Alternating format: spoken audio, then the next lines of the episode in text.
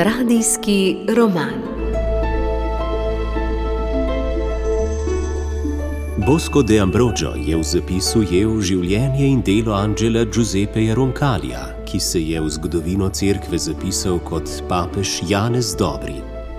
To delo, papež Janez Dobri, pomeni tudi začetek izhajanja romanov pri založbi Ognišče.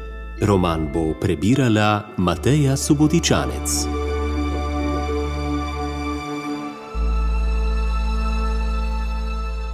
Dober večer, spoštovani poslušalci, lepo pozdravljeni v novem nadaljevanju radijskega romana. Tokrat ima poglavje naslov Topovi grme. Don Angelo se je odpravljal iz škofovske palače. Skrbno je zbral svoje zapiske in z ljubeznijo zložil vijoličasti škofov plašč. Monsignor Radini mu je iz ljubeznivosti, morda pa ga je pri tem vodila tudi slutnja, zapustil plašč in preladsko čepico, ki jo je nosil, ko so ga posvetili. Prijatelj Don Karoci mu je priskrbel stanovanje v semenišču. Zdaj naj bi se še bolj posvetil poučevanju klerikov in katoliški akciji. Na račun spanja je uredil notes, v katerega si je na gosto beležil podatke o monsignorju Radiniju. Služili naj bi mu za življenje pis. Bilo je v prvih mesecih leta 1915. Vojna je preplavljala s krvjo francoske ravnine, pri diplomatskih pogajanjih so si na vse načine prizadevali, da bi tudi Italijo spravili v vojni ogen. Drugega za drugim so klicali letnike pod orožje. Učilnice v semenišču so se praznile. 23. maja ob 15.30 je avstrijska vlada prejela italijansko vojno napoved. Sedem tisoč nabito polnih vojaških vlakov je sopihalo iz vseh krajev polotoka proti Benečiji. Tudi Don Roncalli je dobil poziv. V svoj dnevnik je zapisal: Jutri odpotujem v sanitetno vojaško službo. Kam me bodo poslali? Mogoče na fronto se bom vrnil v Bergamo.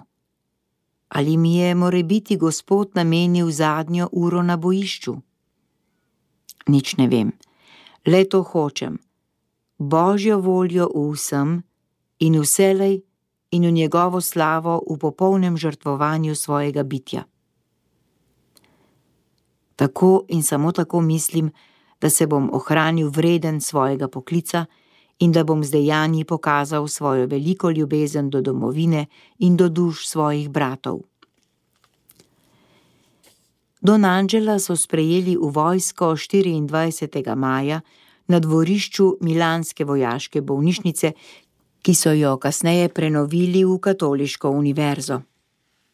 Pri mizi v senci velikega divjega kostanja je sedel podoficir, prevzemal odpustnice in delil plačo za prvi dan vojaške službe. 1,88 lir. Don Angelo je dobil uniformo s činom podnarednika in povelje, naj se takoj javi v Bergamski vojaški bolnišnici, kjer bo odslej delal. To, da bo služil vojaščino v Bergamu, ga je veselo presenetilo. Toda Don Angelo se ni niti utegnil prav razveseliti. Mrzlično je delal s svojimi vojaki, da bi opremil bolnišnico za napovedani naval ranjencev. Delo so komaj še pravočasno končali. 23. junija je začela divjati prva soška ofenziva, ki je kar kosila. Dva tedna nepretrgoma so pošiljali drugo in tretjo armado v čelni napad proti tolminskim in goriškim vojnim utrdbam. Na kraški planoti se je začel smrtni boj pešakov. Bajoneti proti žičnim oviram. V nekaj dneh je obležalo 15 tisoč mož.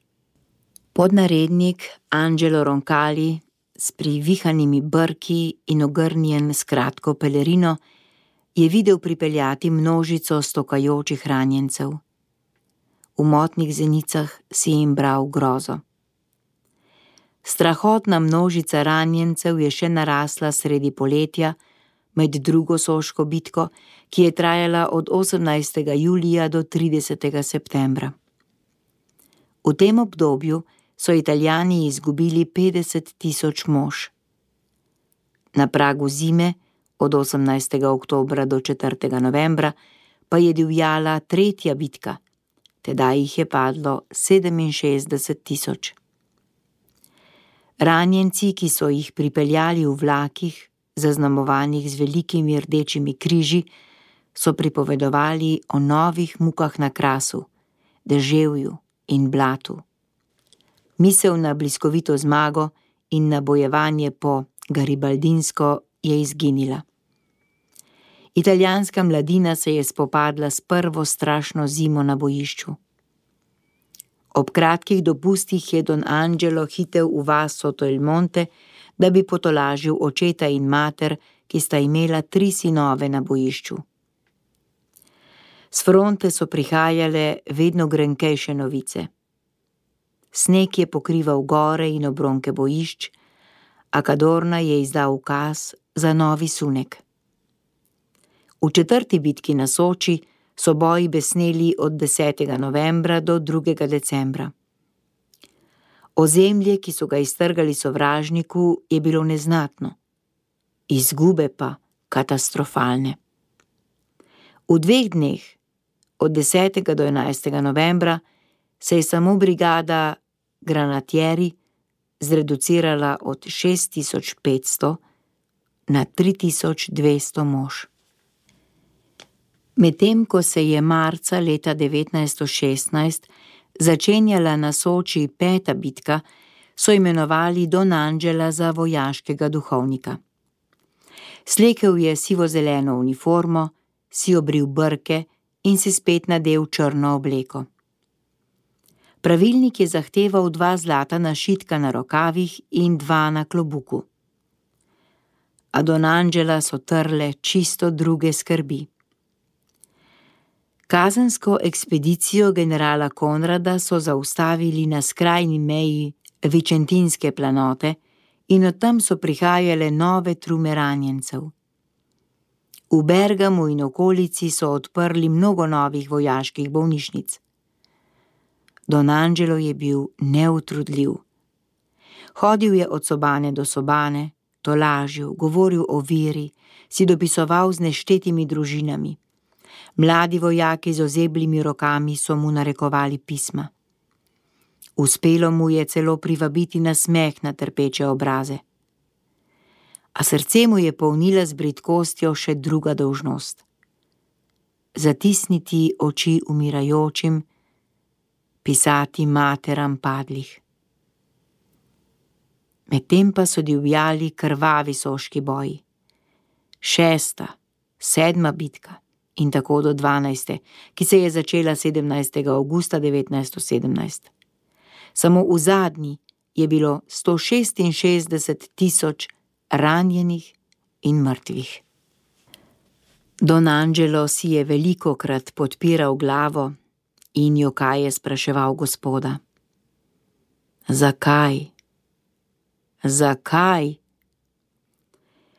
Njegova trdna vira mu je odgovarjala, da Bog ve, če tudi tega ne moremo razumeti.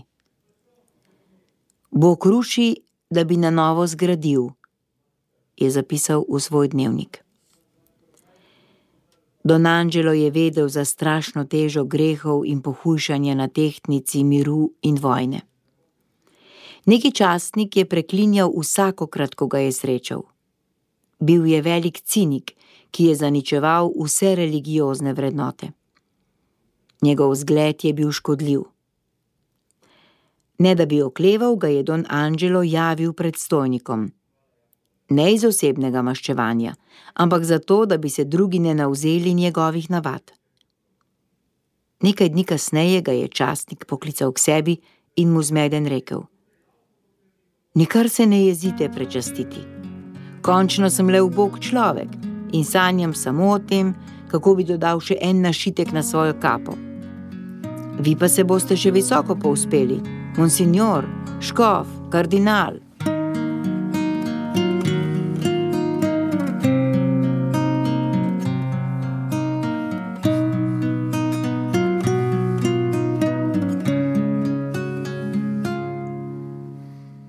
Novo poglavje ima naslov Nesreča Kobarit. Datum 24. oktober 1917. Vso Italijo je zajel nov val strahu. Ime mu je bilo Kobarit. Avstrijci so preplavili vso Beneško ravnino. Narod je reagiral kot na udarec z bičem. Na bojno črto ob Javi so zadnje reveže mož odpotovale skupno s fanti iz letnika 1899. Preden ga je nadomestil Dias, je Kadorna vzkliknil: Vzdržati ali umreti. Tudi Don Angelo je čakal, da ga pošljejo na bojišče. Vendar ga niso pozvali, pač pa je prišla velikanska truma ranjencev, številnejša od vseh prejšnjih. Bergamske bolnišnice so bile prenapolnjene in niso več zadoščale. Po vojaško so preuredili vse cerkve v mestu, ki so se nenadoma spremenile v bolniške sobe, polne ječanja in tožb. Na hodnikih, v kapelah, pod stopnišči in v zakristijah so razgrnili slamo in položili na njo na stotine izmučenih teles. Don Angelo je komaj utegnil spati kako uro. V teh težkih trenutkih je delal kot vsak drug bolničar: čistil, razkoževal, obvezoval, vse brez prestanka. Vsako dejanje pa je spremljala beseda, ki je izhajala iz vire in dobrote. Od časa do časa je dvignil duhovniško roko in dal odvezo umirajočim mladeničem. Koliko jih je bilo? In končno mir. Don Angelu se nikdar nobena beseda ni zdela lepša, celo tista ne, ki so jo ponavljali na trgih: zmaga. Vsa njegova sreča tistih dni je bil mir. Gledal je ranjence, ki so si komaj opomogli, kako so odhajali, ne na bojišče, ampak svojim družinam. Stiskali so mu roko in govorili: Hvala, gospod kaplan, skušali bomo biti dobri, da bi gospodu ne bilo treba nikoli več pošiljati vojne. Oče Batista in mati Marjana sta si obrisala oči in objela svoje štiri sinove, ki so se vrnili iz vojne. Mir na zemlji, je ponavljal Don Angelo sam pri sebi. Kaj naj bi bilo lepšega? in večjega.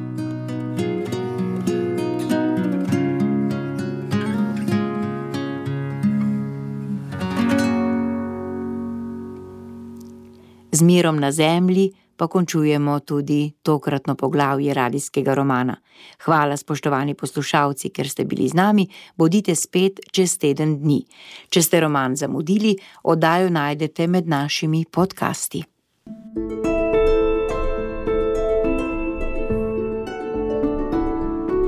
Radijski roman.